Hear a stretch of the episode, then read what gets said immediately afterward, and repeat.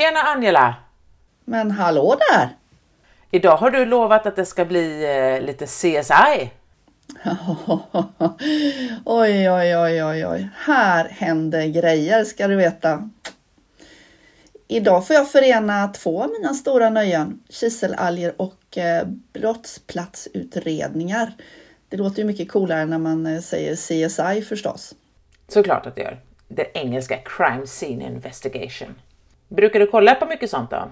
Jag gör ju det. Jag får ju faktiskt krypa till korset här för jag konsumerar de här ganska frekvent och gärna engelska. Jag har faktiskt alla DVD av Morden i Midsommar. Um, Okej. Okay. Uh, finns det någon stödgrupp för folk med det här symptomet eller? Det borde finnas. Men du, en favorit är Vera. Har du sett Vera? Ja, några avsnitt. Mm, hon är ju en härlig, sån ska jag bli. Och eh, där dyker Kisselalli upp med ett drunkningsoffer. Att eh, de ska avgöra om vederbörande har drunknat i havet eller i sötvatten. Just. Och det, det är rakt på sak och enkelt faktiskt. Mm, Bones. Ja, den har jag sett. Ja, när de karvar i olika kroppsdelar av olika ålder. Där dyker också kiselalger upp. Se där ja. Mm. Och det är bara början, för sen så har jag ju, det här har kanske inte så mycket med just kriminalserier att göra, men även i, eh, det heter inte Star Wars, vad heter den andra? Star Trek. Star Trek, tack så mycket. Där är också kiselalger med. Algae in space. Mm. Fantastiskt. Men om vi lämnar det, mm. så eh, jag kan fortsätta. Vad har alger, kiselalgerna på krimscenen att göra? Du är nu kiselalgernas GW Persson här, Angela. Ja, okej. Okay. Då tar vi det från början. Det är faktiskt så att redan i början på 1900-talet så började man ifrågasätta nyttan av att använda kiselalger, alltså diatomer. Jag kommer att blanda och säga kiselalger och diatomer. Det är okej, okay. vi förstår att det är samma sak. Ja, och det är för att fastställa drunkning. Och det var här man ifrågasätter det, för att det var så att man hade precis börjat använda det och samtidigt började man ifrågasätta det. Men det är ju bra, för sånt här behöver utmanas. Anledningen var att även efter döden kan vatten tränga in i andningsvägarna och då förmodade man att kiselalger inte kunde ta sig igenom lungornas blodkärl utan att det bara liksom stannade i vattnet där man hade drunknat inuti kroppen. Ah, ja, så man, så man kunde se om, om det fanns kiselalger inne i vävnaden så hade man då drunknat? Ja, precis. Men som sagt, då, då trodde man inte att det gick egentligen. För man hittade inga kiselalger i blodkärlen då. Men de kan visst tränga igenom de små kärlen och alveolerna i, lungorna och det upptäckte Bruna redan året efter det här hade börjat ifrågasättas. Men hans publikation var på italienska och fick inte någon större spridning. Ah, där ser vi det här som är problemet med att det kan publiceras massa spännande saker på olika språk med vilken begränsning det ändå är. Ja, precis så. Så det är ju bra att ha ett gemensamt eh, publiceringsspråk och nu är det ju engelska så vi får väl leva med det. Det gör vi. Men kiselalgsmetoden som den kallas, eller diatomemetoden, baseras på att under själva drunkningen så tränger kiselalgerna igenom alveolerna och transporteras med hjälp av då, alltså vår puls, hjärtslagen, in i blodet till små kärl som då finns i våra perifera organ. Det kan vara i lever, det kan vara i njurar. Och det kan vara i, annan vävnad, till och med i benmärg. Oh. Och då är det så att man hittar dem genom att mikroskopera. det vill säga man löser upp eh, kroppsvävnaden till en eh, geggamoja och så mikroskopierar man och hittar kiselalger. Vad mysigt. Det, det, det är kul att ha ett teoretiskt arbete känner jag. Ja, så är det. Men den här metoden använder man framöver sen och det baseras igen då på kiselalger i blodet och, eh, och så vidare i vävnad under 1940-talet. Men då var det dags igen. Då hittar man eh, kiselalger även i organ hos de som inte drunknat. Ah. Och så saknades det i vissa drunkningsoffer. Så då, då blev det lite så här, men det kanske är lite osäkert. Ja, det känner jag att det är ju svårt att vetenskapligt pröva metoden. Mm. Ja, man får väl då, det får ju bli djurförsök men det ändå känns ju väldigt svajigt på det etiska fronten. Men på 40-talet kanske man inte var så etisk vad det gällde djurförsök. Vi kommer dit. Huva. Oh dear. som sagt så hittade man kiselalger även i benmärgen och vi kanske alla, eller vi alla, går omkring med vår egen lilla kiselalgsflora i kroppen. Se där ja. Det ger helt nya perspektiv. Du, du ser väldigt nöjd ut när du säger detta. Mm. Oh yeah. Men observera att vi talar om eh, de hårda cellväggarna, alltså frustulerna. Vi, har alltså inte, vi går inte omkring med levande kiselalger i oss. Nej, vi har inte autotrofa organismer i kroppen så vi kan fotosyntetisera. Men det hade varit väldigt roligt om vi kunde. Japp. Så under 1900-talet så publicerades mer än 250 vetenskapliga artiklar i kriminaltekniska tidskrifter som hade eh, relation kiselalger. Coolt. Men ingen av dem kunde påvisa att kiselalger kan tränga igenom alveolerna, så det var fortfarande bara en hypotes. Då. Så det baserades på en hypotes kan man säga. Men eh, Lunetta och hans kollegor kunde visa det här 1998. Och då, deras elektronmikroskopbilder är helt fantastiska. Jag undrar om vi kan visa några av dem i tångbloggen? Ja, det kan vi absolut. Ja, men då ska vi göra det. Nu var det här jobbiga då. De använde sig av labbrotter. Det var inte mer än 5 plus 5, men, men ändå. Jag tycker det här känns lite jobbigt. Jag brukar säga att det finns en anledning att jag experimenterar med alger och inte med djur. Mm, absolut.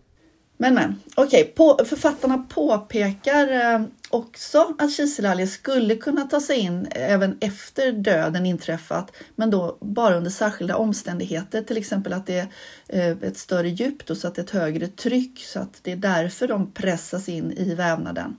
Och det finns några riktiga fall eller där man har sett det här. Då. Ett var från 23 meters djup och ett från 130 meter. Men man kan inte bevisa om de avlidna hade kiselalger i vävnaden redan före de hamnade i vattnet. Då. Så man hittade bara enstaka frustuler så att man tyckte fortfarande den här metoden, ja men den var nog inte så dum i alla fall. Men, men är det fortfarande så att man köper den idag alltså? Eller hur många, hur många fall finns det kring det här? Nu ska du få hänga med ända till slutet här Ellen så ska du få ett riktigt aktuellt fall från 2015. Oj, oj, oj, oj. Mm -mm.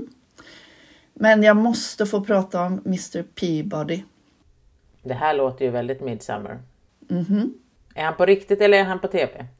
Han är på riktigt, men han är även en seriefigur. Men det är nog inte baserat på, på just den här personen, tror jag. Så bra.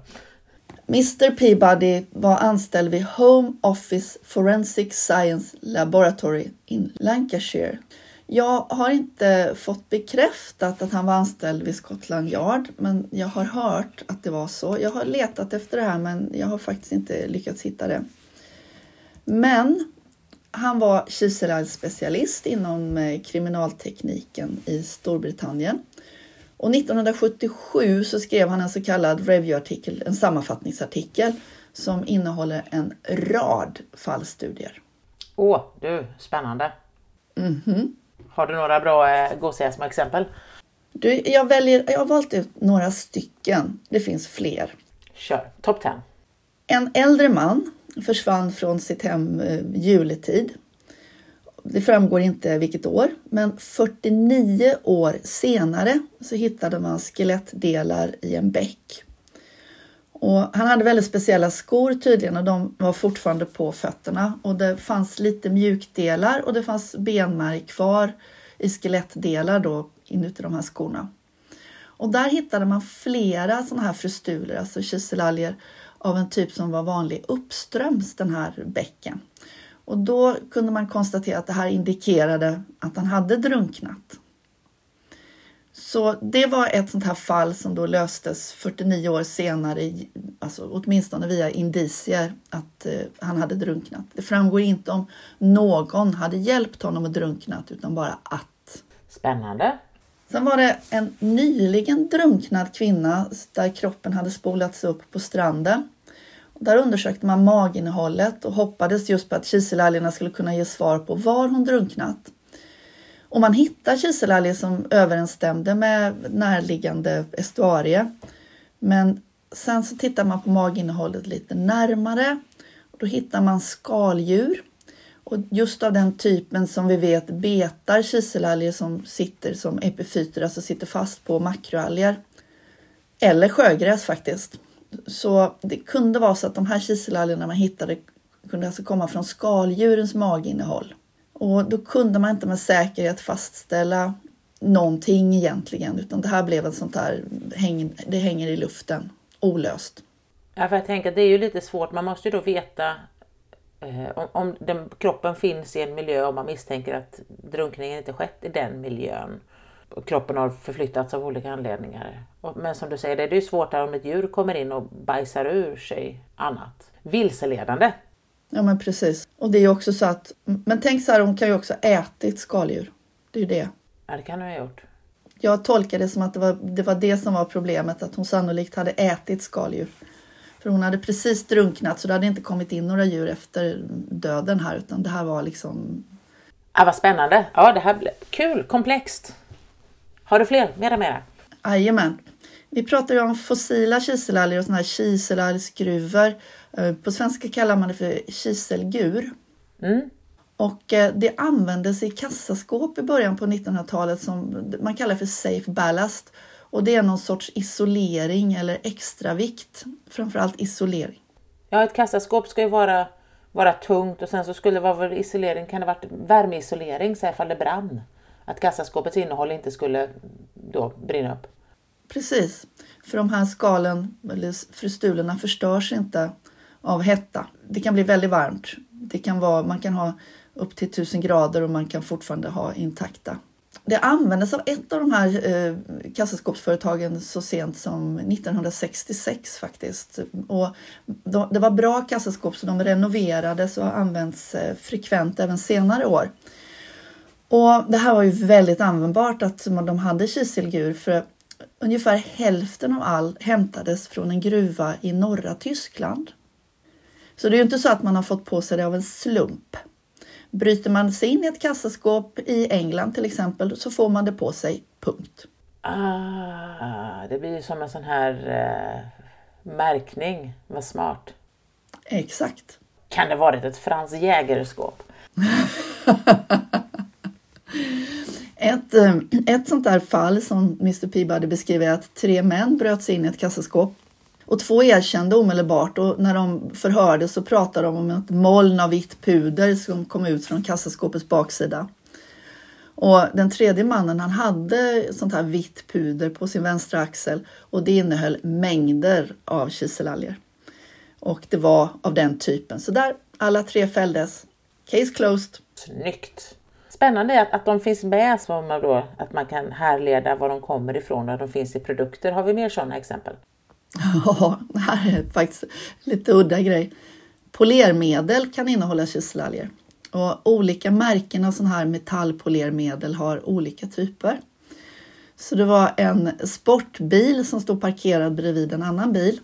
Och när ägaren kom till sin sportbil så var navkapslarna borta.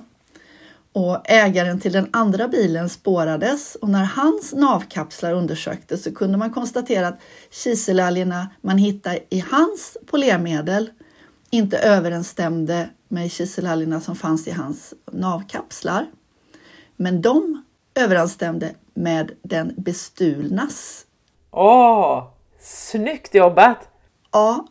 Vad kul att de också kommer på att faktiskt titta efter det. Precis. Och sen var det ett, ett, liknande fall, det var det värdefulla silverföremål som hade stulits. Så det, ägaren hade kvar en kandelaber och sen så påträffades en massa silverföremål, bland annat då en kandelaber som överensstämde med den första. Men den ägaren kunde inte bevisa att de hade varit par, ett par. Så då började de kolla i, i det här polermedlet igen då. Och då hittade man samma kiselalger och det kunde inte tjuven förklara så han åkte dit på, på det också. Så ska man försäkra sina, sina silverkandelabrar så ska man alltså inte använda häxans silverputs som hela Sverige gör utan då ska man beställa något litet klurigt fanskap på nätet då så man får en unik kiselalg fingerprint. Vilken lysande idé! Men har du något mer kul case? Ja, jag har du vet, jag har något som, jag, alltså det här, jag bara gapa. Säkerhetständstickor, du vet huvudena på dem innehåller kiselalger.